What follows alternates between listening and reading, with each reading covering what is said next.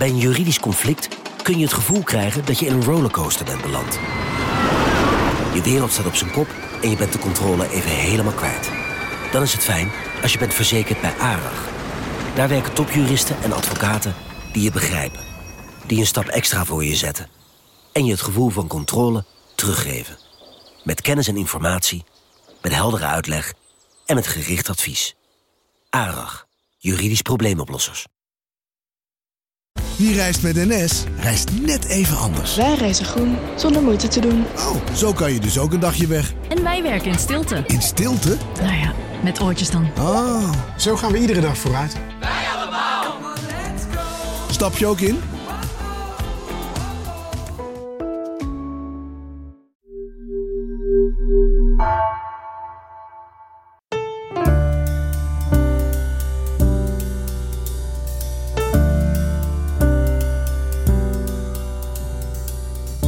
Welkom bij Tussen de Regels, een podcast van NRC over boeken en schrijvers. Mijn naam is Michel Krielaars en je luistert naar de derde aflevering van een negendelige reeks over boeken die de wereld hebben veranderd.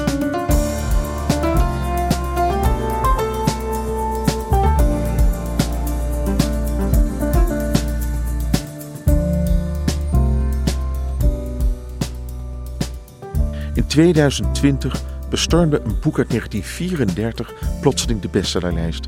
Anton de Koms, Wij slaven van Suriname.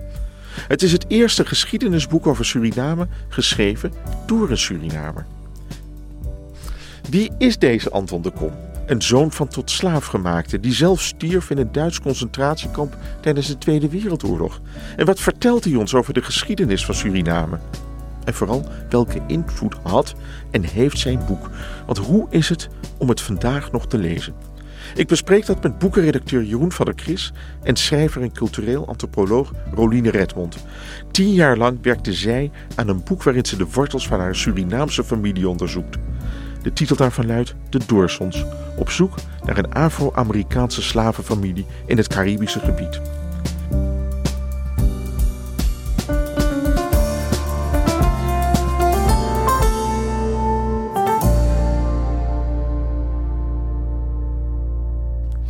Om met jou te beginnen, Jeroen. Waarom wilde jij Anton de Kom zo graag op onze lijst met boeken die de wereld hebben veranderd zetten? Nou, dan moet ik meteen een bekentenis doen. Eigenlijk vooral omdat ik in elk boek dat ik de afgelopen jaren heb gelezen over slavernij, en dat zijn er best veel, een verwijzing tegenkom naar Anton de Kom. En ik moet bekennen dat ik het nog nooit gelezen had. Dus ik had eigenlijk een goed excuus nodig om dat eindelijk een keer te doen en daar de tijd voor te nemen. Ja. Wat gebeurde er in 2020 dat het ineens werd herontdekt? Uh, wat er in 2020 is gebeurd, nou, er is natuurlijk de afgelopen jaren veel aandacht geweest voor slavernij. De rol van, van Nederland daarin. Uh, maar het belangrijkste wat er gebeurd is, is dat Anton de Kom, denk ik, in 2020 is opgenomen in de, in de kanon van de Nederlandse geschiedenis. Uh, en dat heeft voor een enorme aandacht gezorgd. Mevrouw Redmond, u, u heeft het boek ongetwijfeld veel eerder gelezen. U bent gespecialiseerd in Suriname. Wanneer las u het boek? Ik las het boek in uh, 2008 ongeveer. Maar Anton de Kom die wordt al heel lang gelezen onder Surinamers. Wij hebben het boek namelijk ontdekt, diep verborgen lag in archieven in Leiden. En Surinaamse studenten die hebben al in 1964 dat boek eigenlijk geroofd, gestolen. Die hebben er stencils van gemaakt. Jongeren zullen geen idee hebben wat dat nog is. Ze draaien aan zo'n apparaat. Hè, dat je dat, en daarna zijn er roofdrukken gekomen in Suriname en Nederland. Het werd onderling verspreid. Wij kenden het al. Ze vonden het eigenlijk bij toeval in de universiteitsbibliotheek, ja. heb ik gelezen, omdat ze een lezing aan het organiseren ja. waren. Ze hadden er nog nooit van gehoord, ze gingen het lezen. Ja. En toen hebben ze het meegenomen, want ze, ja, ze dachten, dit is van ons. Dit is onze geschiedenis, niet die van de Universiteit van Leiden. En toen hebben ze het via stencilapparaten verspreid in eerste instantie. En de namen zijn uh, Rubia Sushen, dat is een heel belangrijke. Ruben Lipo Sam, dat zijn namen die niet meer genoemd worden. Maar dat zijn de mensen die ervoor gezorgd hebben dat het boek uiteindelijk toch in die kanon terecht kwam. En wij hebben het hier overgenomen en, en lopen duwen en zorgen dat het, dat het de aandacht kreeg. Toen heeft het dus al die jaren in een archief gelegen tot het herontdekt werd. En hoe, hoe, was die sensatie? Ken je dit? Wil je dit lezen? Ging dat zo? Het werd door iedereen gelezen, maar iedereen Surinamers. En iedereen uit de studerende klasse, niet niet een arbeider. Die kende het boek nog niet. En de Surinamers hebben dus ook geprobeerd om dwang uit te oefenen met sit-ins en zo, om te zorgen dat uh, het ook in Suriname, want uh, we hebben het nu over de Nederlanders die het kenden, maar Surinamers kennen het ook niet hoor, dat het ook in Suriname als uh, leermateriaal, lesmateriaal, geschiedenismateriaal gebruikt zou worden. Dat was dus allemaal lang voor 2020.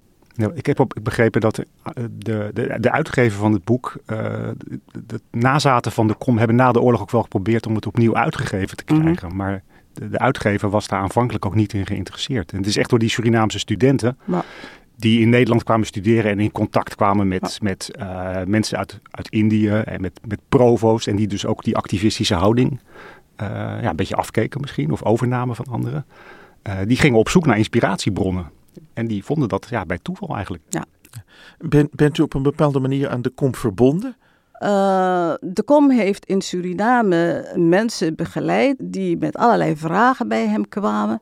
En uh, hebben zich hele grote menigtes bij zijn huis gevoegd. Die, die dachten dat hij een soort wonderman was. Hij werd opgejaagd door, door uh, de geheime dienst van Suriname, door de politie. Hij werd gevolgd. En uh, de kom zelf, die, uh, die werd eigenlijk overvallen door al die mensen. En een van de mensen die hem beschermde was een oud-oom van mij, Petrus Doorson. En ik heb steeds over, er overheen gelezen in zijn boek dat de naam van mijn oom erin stond. Wel wist ik vanuit onze uh, orale geschiedenis, dat er in de familie gezegd werd, waren er gekke oom, oom P noemden we hem, en die ging dan staan voor de politie en die ontblootte zijn jas en die riep, jullie mij, moeten mij eerst schieten voordat je bij de kom kunt komen. Ik dacht het een grapje was. De afgelopen maanden ben ik onderzoek gaan doen. En toen bleek Peters Doorson een hele belangrijke rol gespeeld te hebben in de bescherming van, van, van, van de kom. En de tweede manier waarop ik verbonden aan ben, is dat ik uh, een neef heb die behoort bij de voorhoede van de studenten, die ook gevraagd heeft om het eerherstel van de kom. Dus daar ben ik heel trots op. Nou, het klinkt allemaal heel spannend en interessant en heel filmisch vertelt u het. Ik wil eerst eens even weten, wie was Anton de Kom precies, Jeroen? Wanneer is hij geboren? Hoe zat die, zag die levensloop er kort en bondig uit? Uh, hij is geboren aan het einde van de 19e eeuw. Uh, zijn vader heeft de slavernij nog net meegemaakt. Hij kwam natuurlijk niet uit een rijk milieu, hij kwam uit een arm milieu, maar hij kwam niet uit een heel arm milieu. Uh, hij had de, de MULO kunnen doen. Hoge een, opleiding in die tijd. had een boekhouddiploma. Dat was denk ik wel bijzonder voor iemand in die tijd Mhm, in Suriname. mhm, mhm. Uh, en hij is ergens in het begin jaren twintig is hij naar Nederland gegaan om daar zijn geluk te beproeven. Daar heeft hij uh, uiteindelijk een baan gevonden bij een handelaar in koffie, thee en tabak. Daar kwam hij in aanraking met uh, ja, andere mensen in het linkse milieu. Onder andere studenten uit Indië, maar ook mensen uit het communistische milieu. Uh, en daar ontmoette hij ook zijn vrouw, een, een Nederlandse. Samen met die vrouw is hij vervolgens teruggegaan naar Suriname omdat zijn moeder op sterven lag. Die moeder heeft hij helaas niet meer gezien, want die was overleden voordat ze aankwamen. Uh, en in Suriname begon hij wat hij noemde een adviesbureau. Een soort vakbondsfunctie, denk ik dat hij had. Hij hielp, mm. hij hielp arme contractarbeiders bij het opkomen voor hun rechten. En dat zinde de, de Nederlandse autoriteiten in Suriname niet. Het was, hij, wordt, hij werd gezien als een soort opruimer. Ik geloof dat dat wel, wel meevalt. Hij hield geen hele radicale ideeën uh, op na. Ik vind ook, het gaat nergens over wij eisen onafhankelijkheid van Suriname. Of, uh... Maar hij heeft zich ingezet voor nationalistische Indonesiërs. Hè? Dat klinkt natuurlijk al naar opstand. Ja, en maar die, onafhankelijkheid die, daar in de andere kolonie. Ja, maar die Indonesiërs in Nederland, die waren in hun denken denk ik in de jaren dertig verder ja. dan, dan hij. Ja. Um, dus hij had, het, had, dat adviesbureau had hij in, in Suriname. Um, en dan speelt uh, de, zeg maar de, de, periode die mevrouw Redmond net beschreef. Dan is er op een gegeven moment is er een protest. Um, de autoriteiten zien hem als de grote opruier. Ze pakken hem op. Andere mensen vragen om zijn vrijlating. Onder andere oom P. van mevrouw Redmond. En um, dan wordt hij uh, opgepakt en in de gevangenis gezet. Drie, drie maanden in Fort Zeelandia. Zonder rechtszaak wordt hij teruggestuurd naar Nederland. En dan Geen gaat hij daar verder met zijn leven. Willen ze daar hebben? Nee, ze vinden hem gewoon lastig. En in Nederland komt hij moeilijk aan de bak, want dan is het de jaren 30, het is crisis. Uh, bovendien heeft hij uh, ja, natuurlijk niet zo'n goede naam. En dan begint hij een boek te schrijven. Mevrouw Redmond, wat was de indruk die u had toen u het boek las? Ik vind het pijnlijk. Ik vond het pijnlijk om te lezen, want heel veel stond erin wat ik al wist en, en wat ik eigenlijk ook wilde wegduwen. Maar die, dat heeft hij open en bloot uh, beschreven. Zoals, zoals ik al zei, we waren met studenten bezig om onze eigen geschiedenis te lezen, die wij niet kenden. En veel dingen wist ik ook, maar die waren niet besproken. Die waren heel persoonlijk. Bijvoorbeeld dat wij geleerd hadden dat alles wat blank was, was beter. Dat hebben wij echt geleerd. Dat zat in onze botten. Wij, wij gingen met respect. We waren al blij, dat schrijft hij ook. Dat is pijnlijk om te lezen. Dat we al blij waren als we, konden, als we een, met een wit jongetje konden knikkeren en dat, dat we hem lieten winnen.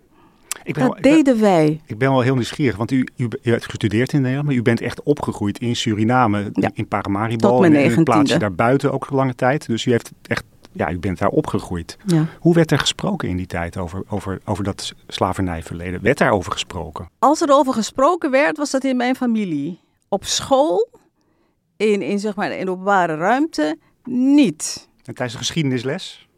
Absoluut niet. Moest ontkend worden natuurlijk. Nee, dat moest ontkend worden. Die witte Nederlanders waren natuurlijk hele nette, fatsoenlijke mensen. Ja, het was, was nog de koloniale periode. Dat, dat was not done om zoiets te gaan roepen. Maar hoe werd daar in de familie over gesproken? Of werd daar ook niet over gesproken? Nou, in de familie werd er over gesproken zoals de kom erover sprak.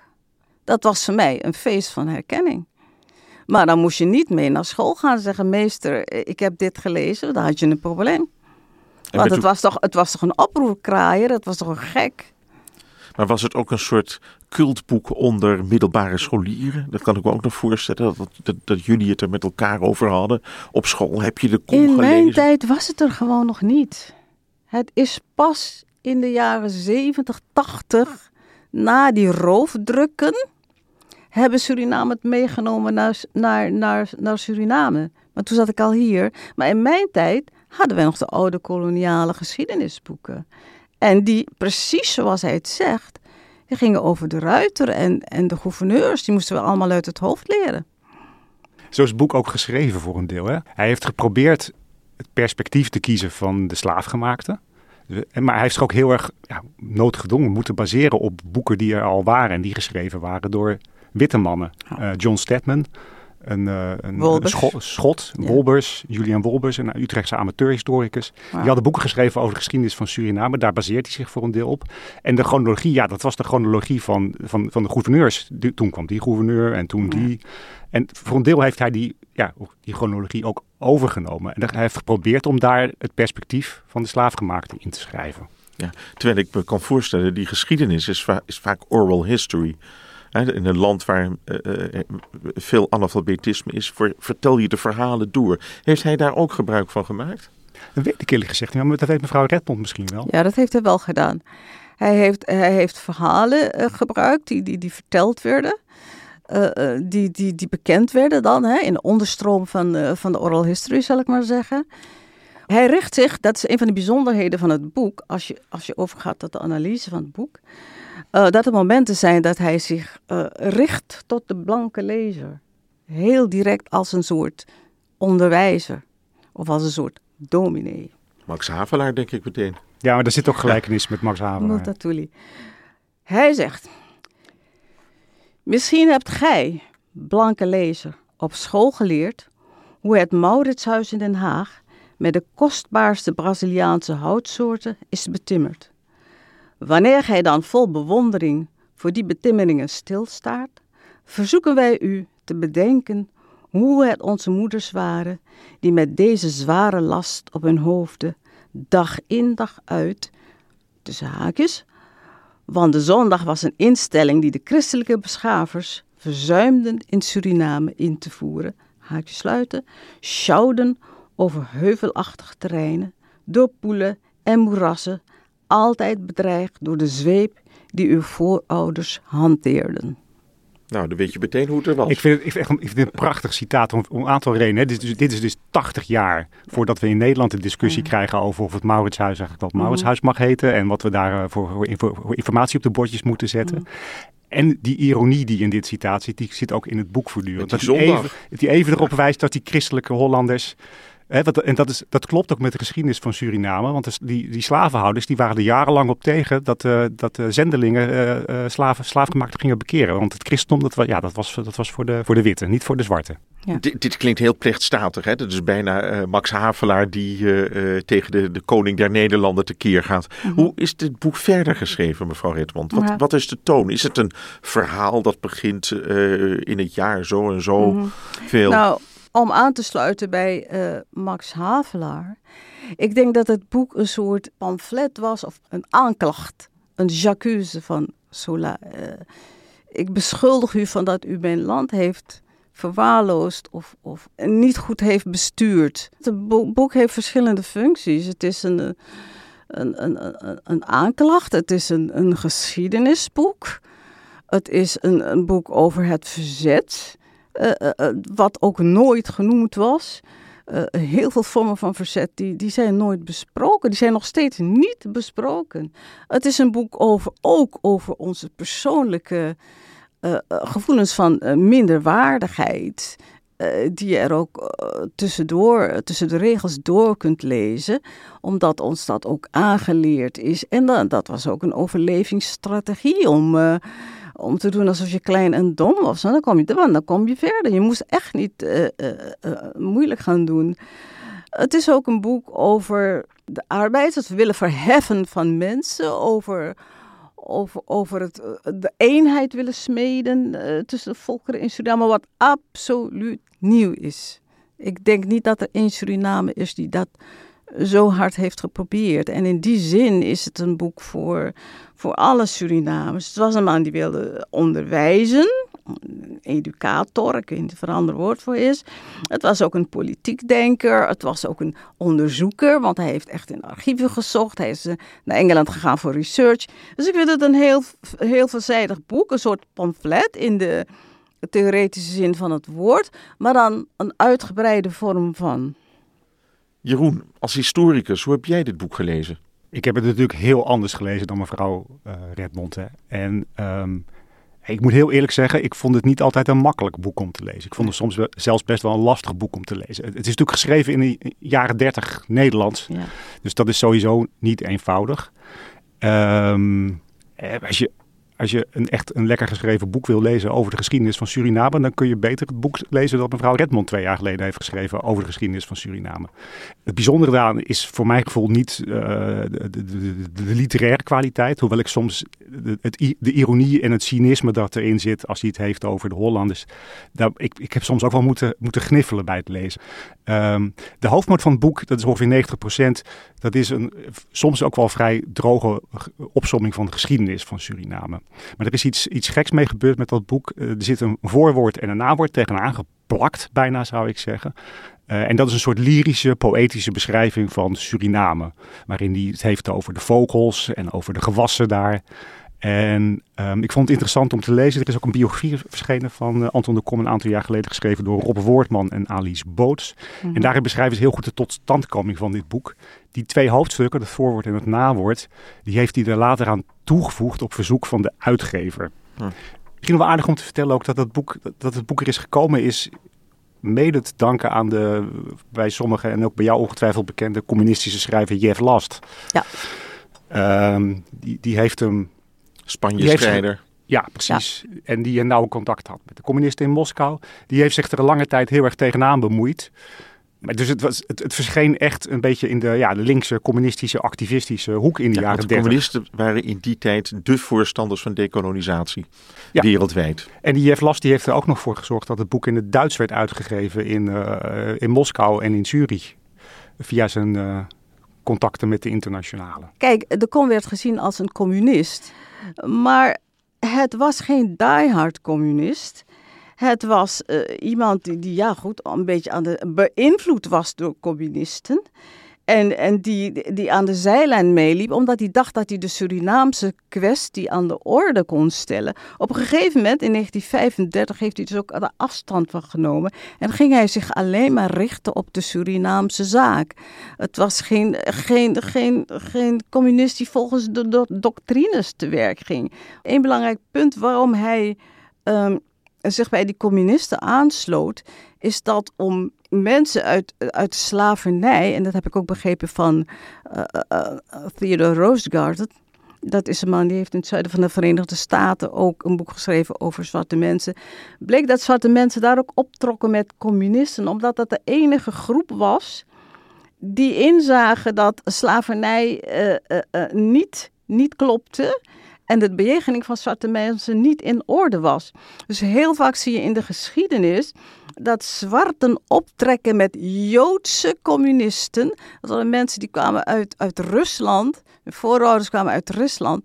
En die hadden het communistisch gedachtegoed van... hé, hey, hier, heert, uh, hier heerst rassenongelijkheid. Dat hoort niet volgens het communisme. Dus die sloten zich aan bij zwarte mensen. Maar die zwarte mensen zelf, die kenden dat hele communisme niet zo goed. Maar die waren blij met die communistische aandacht. Omdat ze een tijdje met elkaar konden oplopen. Een, een tijdje, want er zijn een tijdje. Een, die, die Jeff Last die heeft ook hoofdstukken, door zijn toedoen zijn er ook hoofdstukken, passages ingekomen die heel erg gingen over klassenstrijd en zo. Precies. En die heeft hij er weer uitgehaald. Die wilde hij niet, dus dat gaf gedoe. ja. Dus, uh... Hoe is de kom aan zijn informatie over de geschiedenis van Suriname gekomen? Mevrouw Redmond? Ah, voornamelijk uit een, een paar bronnen. Het zijn een paar beperkte bronnen. En ik heb ook begrepen dat hij in Engeland, naar Engeland is geweest om research te plegen. Maar daar, daarvan moet onderzoek uitwijzen of hij daar nog uh, veel gevonden heeft. Ik, ik, ik, vraag mij af waarom hij dit boek geschreven heeft. En ik denk dat de Surinaamse uh, cultuur kennende, dat jij dit boek niet kunt schrijven als je heel erg uh, christelijk zou zijn. Want wat heel veel mensen niet weten is dat Surinamers, uh, die kregen de, het christelijk geloof uit de slavenbijbel. Weet iemand wat dat is? Nee. Die slavenbijbel, dat was een sterk ingekorte bijbel, speciaal voor mensen in slavernij. Surinamers weten niet dat uh, uh, als zij zondag in de kerk zaten, dat zij niet de ge gewone Bijbel voor zich hadden. Dat was een Bijbel waaruit alle opruiende stukken geschrapt waren. Gecensureerde versie. Gecensureerde versie. En dat was in heel Caraïbisch gebied, in de Franse koloniën, in de, in de Engelse koloniën. Als jij die Bijbel geleerd hebt, dan schrijf jij zijn boek niet. Dus ik denk dat, dat hij dat niet gekend heeft. Dus om dit boek te schrijven, moet je al als kind al dwars gelegen hebben. En, en die achtergrond, dat is wat ik onderzocht zou willen hebben. Nu ik mevrouw Redmond hoor praten, hebben we voldoende gezegd hoe bijzonder het eigenlijk is dat die man überhaupt een boek geschreven heeft. Mevrouw Redmond heeft ook een boek geschreven. En daarin schrijft u onder andere over uw eigen jeugd. Dat het lezen van boeken eigenlijk nou ja, het tegenovergestelde van vanzelfsprekend is. Dat, dat u een beetje raar aangekeken werd dat u boeken wilde lezen. Omdat het natuurlijk een hele orale traditie was. En het mhm. lezen van boeken mhm. hoorde daar niet bij. Laat staan het schrijven van boeken. En mhm. tijdens het schrijven van uw eigen boek dacht u ook wel eens van waar ben ik mee bezig? Want wie gaat dit ooit lezen? Maar wij wilden ook niet lezen. Of mijn voorouders, mijn oma, mijn tantes. Want ja, wat staat er in die boeken? Dat zijn geen goede boeken. Daar hebben we niks aan. Waarom ga je dat lezen? Wat moet je ermee? Daar staan, dat, daar staan alleen maar teksten in die ons klein maken. Ik las wel met in de achterhoofd van, ah, er is ook nog een ander verhaal. En zo moet hij ook gelezen hebben. En dat is lastig. En waarom schreef hij dat, mevrouw Redmond? Wat was zijn aandrang om dit boek te schrijven? Omdat hij uit, een beetje uit die linksactivistische hoek ik komt? Ik denk dat uh, hij heeft drie dingen gedaan waarvan ik denk dat die misschien gesimuleerd kunnen hebben dat hij dat boek ging schrijven. Los van het feit dat hij ook zelf een heleboel dingen gezien heeft en ook discriminatie ondervond. Hij is naar Haiti geweest. Hij heeft uh, bij zijn onderzoek uh, is hij naar Engeland geweest. en hij heeft contact gehad met ehm, de grote Surinamer Otto Huiswoud. Wie is Otto Huiswoud? Otto Huiswoord was een hele belangrijke Surinamer, waarover eigenlijk nog heel weinig bekend is. Dat is een communist. Eh, die pendelde tussen Amsterdam en, en, en, en Rusland. Uh, bij die grote Comintern-vergaderingen was hij aanwezig. En ik denk dat Huiswoud een van de eerste Surinamers was die, die internationaal de verbindingen legde tussen de zwarte beweging in de Verenigde Staten, het Caraïbisch gebied en in Nederland. En dat hij uh, de kom, zeg maar, onder de vleugels uh, genomen heeft. Maar dat weet ik niet. Dat, dat zou ik graag onderzocht willen zien.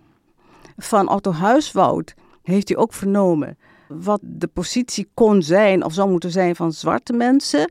En hoe, hoe strijdvaardig de, de zwarte in, in, in de tijd van de Harlem Renaissance waren. Want dat, daar staat Otto Huiswoud middenin. Belangrijke opleving.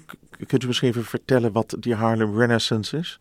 Dat is een periode tussen uh, 1918 en, en het begin van de oorlog, maar het interbellum, waarin uh, zwarte mensen in de Verenigde Staten een soort opleving hadden, uh, cultureel, muzikaal, schrijvers. Er werd gedacht, er waren intellectuelen, er was een ontzettende uh, bruisende, uh, bruisend leven. Er werden clubs opgericht waar veel blanken kwamen. Die hadden dat voor het eerst gezien, zwarte mensen. En er was een toestroom van, van blanken naar, naar, naar dat Haarlem om, om die zwarten bezig te zijn. Het is een beweging die dus in het Caribisch gebied vrij veel invloed is geweest. En dat zou, als ik onderzoek zou doen, ik ga het niet doen, uh, uh, een ingang kunnen zijn om te kijken van wat is via huiswoud naar tot, tot de kom gekomen uit die Amerikaanse sfeer of die Amerikaanse cultuur toen. Wat wil de kom met dit boek zeggen, mevrouw Redmond? De kom heeft een aantal doelen. Hij wil dat de Surinamers hun eigen waarde ontdekken. Dat, dat, dat ze inzien dat uh, wat de Hollanders ons geleerd hebben, dat het niet allemaal klopt. Een ander doel was, uh, hij wilde eenheid smeden tussen de bevolkingsgroepen in Suriname. Uiteindelijk was hij erg uh, teleurgesteld dat de Nederlandse overheid niet wilde inzien dat het boek erg belangrijk was. En, en, dat het juist ten goede zou komen aan, aan de Surinamers. En dat het uh, uh, de kleurklassenverdeling die wij in Suriname hadden. Tot in mijn, in, in mijn jeugd was het nog heel erg scherp. Uh, dat, dat wij daarvan af zouden komen. Wat, wat de kom zich niet realiseert, is dat colorisme, die kleurklassenscheiding, dat dat een instrument was van de koloniale overheid om de mensen in het gareel te houden.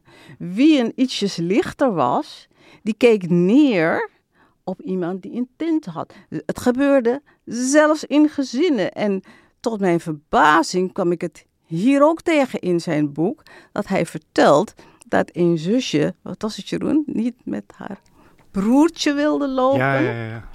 Omdat die, of omgekeerd, omdat die zwart was. Het kind is soms binnen één gezin, wordt één kind iets lichter of donker dan het andere. Uh, dat, dat, dat, je dat kind dan een beetje afzijdig houdt. Dat heb ik gezien. Dat heb ik gezien. Dat heb ik mensen zien doen. En ik vond het grappig, verbijsterend en eigenlijk beschamend om dat hier in zijn boek ook, ook weer aan te treffen. En hij wilde dus ook aangeven van uh, zwarte mensen hou nou op met dat onderscheid en word één. Ja, en, en u benadrukt al het belang van dat middenwaardigheidsgevoel. Hij schrijft ergens: geen volk kan tot volle wasdom komen dat erfelijk met het middenwaardigheidsgevoel belast is. En dat is wel eens weer zo interessant, want die psychische invloed van dat kolonialisme en die koloniale repressie, dat werd pas twintig jaar later ja. onderwerp van grote studies. En dan denk ik meteen aan die Frans-Martinicaanse psychiater Frans Fanon, mm -hmm. die erover gepubliceerd mm -hmm, heeft. Mm -hmm. Dat maakt hem toch wel tot een heel bijzondere schrijver. Dat maakt hem tot een sch bijzondere schrijver. En ik denk dat hij in die tijd ook al uh, misschien contact gehad heeft of invloed heeft ondergaan van de sfeer van zo'n Frans Fanon of voorlopers ervan.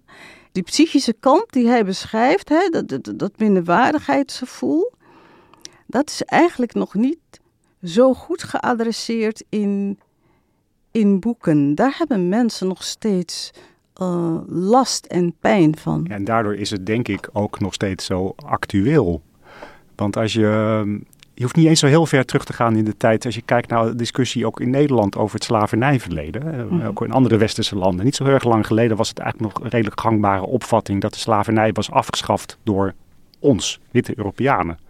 En pas de laatste jaren zie je dus heel erg in, in, in de geschiedschrijving opkomen dat er wordt benadrukt dat die afschaffing van de slavernij ook het werk was van de slaafgemaakten zelf. Die in opstand kwamen hè, op Haiti, op Curaçao, maar ook elders. En dat perspectief zit al heel sterk in het boek, omdat hij voortdurend benadrukt dat het uh, voormannen van de Marons waren in uh, buiten Paramaribo die uh, gingen vechten tegen de Marons tot slaafgemaakten die zich uh, hebben ontworsteld aan de slavernij en de, het oerwoud zijn ingetrokken. Hè? Dus Echt opstandelingen die gewoon niet bang waren voor die koloniale overheersers. Ja, dat is, de, de, de, verzet is er heel veel geweest en dat wordt in geen enkel boek genoemd. En over dat verzet, hij is gestorven als verzetstrijder in een Duits concentratiekamp, mhm. ergens in de buurt van het beroemde kamp Neuengamme. Mhm. Is dat ook een van de redenen, Jeroen, waarom hij zo ineens door Nederlanders is omarmd? Hè? Een Nederlandse verzet verzetsheld. Ja, ik, ik, heb daar wel een theorietje over, maar mevrouw Redmond moet mij corrigeren als ik het niet goed zeg. Kijk, hij is, een jaar of twee geleden is hij opgenomen in die kanon. En nu kent, nou, ik wil niet zeggen iedereen hem, maar nu is hij uh, alsnog een beroemdheid geworden. Mm nou, de werktitel van deze podcast was Boeken die de wereld veranderen hebben. Maar ik denk dat je het misschien ook een beetje kunt omkeren. De, de wereld is veranderd en daarom is dit nu een belangrijk boek. Ja. Um, en ja, er is behoefte aan helden. En Anton de Kom is in het verhaal over Nederland, dat wij nu met z'n allen aan het herschrijven zijn, echt de ideale kandidaat. Want hij is zoon van slaafgemaakte. Maar zijn levensverhaal is natuurlijk ongelooflijk. En daar kunnen ook jij en ik, witte Nederlanders, ons mee identificeren. Want zijn verhaal uh, heeft ook een duidelijke link met het verhaal van Nederland zoals we dat al kende, namelijk met die Tweede Wereldoorlog. En wat hij gedaan heeft is natuurlijk ongelooflijk. Hij is door de kolonisator Suriname uitgeschopt, zonder rechtszaak, in Nederland terechtgekomen. En als de Duitsers Nederland bezetten, wat doet hij dan? Dan gaat hij niet uh, zijn schouders ophalen of, uh, of denken van nou uh, goed zo, mijn vijand is, is mijn vriend. Hij kiest voor het verzet. Hij kiest ja, de kant van de, van de kolonisator eigenlijk. Wat heeft hij gedaan? Um, ik weet, ik, hij heeft uh, met name gedaan wat hij al deed, schrijven. Dus hij schreef artikelen voor verzetskranten. Voor zover ik weet heeft hij geen uh, uh, bonnen, bonnen, verspreid of gewelddadig gepleegd. dat was al heel wat. Ja. ja. En hij is gestorven in een concentratiekamp. En dat maakt natuurlijk wel dat hij, hij spreekt tot de verbeelding van ja, iedereen, denk ik. Behalve misschien een klein groepje Forum voor Democratie stemmers. Maar um, je kan hem bijna moeiteloos in het rijtje uh, Hannie Schaft, soldaat van Oranje. Sterker nog, er was een aantal jaar geleden was er een grote tentoonstelling in, ik geloof de Nieuwe Kerk. En daar stond hij tussen koningin Wilhelmina en Hannie Schaft. Mooi. Tot slot, aan jullie beiden de vraag, waarom moeten we dit boek nu nog lezen? Omdat dit het enige boek is wat uh, zoveel facetten bij elkaar brengt die belangrijk zijn voor mensen die als slaaf, waarvan de voorouders slaaf zijn geweest in de kolonie in, in gedurende de 200 jaar. Wij hebben geen boeken die onze geschiedenis, ons leven en ons denken uh, uh, bekendmaken. Dus dit is het enige grote boek waarvan wij zeggen van het is een gedeelde geschiedenis die wij hebben en die wij allemaal moeten kennen. En in tegenstelling tot wat heel veel mensen denken dat het boek beroemd is, ik, ik waag het te betwijfelen. Als je de straat op zou gaan en je zou vragen aan mensen wie Anton de Kom is, dan zouden wel een aantal mensen de naam kennen, maar het boek kennen zij niet. En de achtergrond kennen zij niet. En de belangrijkste uitgangspunten van de auteur kennen zij ook niet. Wij staan nu pas aan het begin om, uh, om te gaan onderzoeken wie de man was. Uh, wat er in het boek staat, wat zijn doelen waren, wat het effect is hiervan. Er is nog geen effect Want het boek is pas ja, 22 juli 2020 in de kanon gekomen. En ik kan je vertellen, heel veel mensen hebben het gewoon nog niet gelezen. Het kan ook niet. Het is te vroeg. We moeten dus nu blijven drukken en duwen en zeggen van ga dit lezen. Want dan weet je de echte geschiedenis van Surinamers. Van de geschiedenis die jij geleerd hebt, is niet de ware drukken en duwen, zegt mevrouw Redmond. Jeroen, kun jij ook nog even wat extra drukken en duwen? Ja, ik vind dat zij het zo mooi zegt dat ik hier eigenlijk niet zoveel aan toe wil voegen. Maar uh, je vraagt waarom. Uh, ja, ik denk omdat we nooit genoeg weten van onze geschiedenis. En omdat we zeker niet genoeg weten van, van deze geschiedenis. En ik zou hopen, dat ik, ik ga het vanavond eens vragen als ik thuis kom. Of dat mijn, mijn zoon die in vier gymnasium zit, dit nu krijgt op de middelbare school. Maar ik waag het te betwijfelen. Kijk, dit soort gesprekken die zijn heel erg belangrijk. Dank u. Dank beiden voor de komst naar de studio.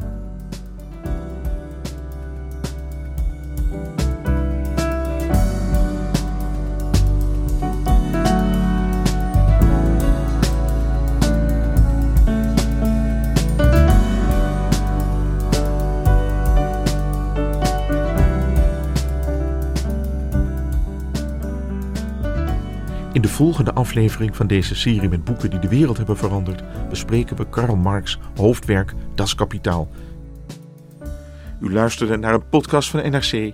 Deze aflevering is gemaakt door Janne Gierke. Tot de volgende week.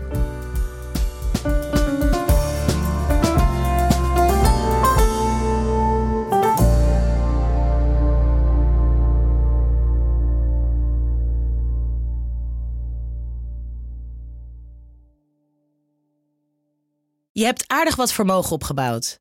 En daar zit je dan, met je ton op de bank. Wel een beetje saai, hè? Wil jij, als belegger, onderdeel zijn van het verleden of van de toekomst? Bridgefund is een slimme fintech die een brug slaat tussen de financiële behoeften van ondernemers en van beleggers.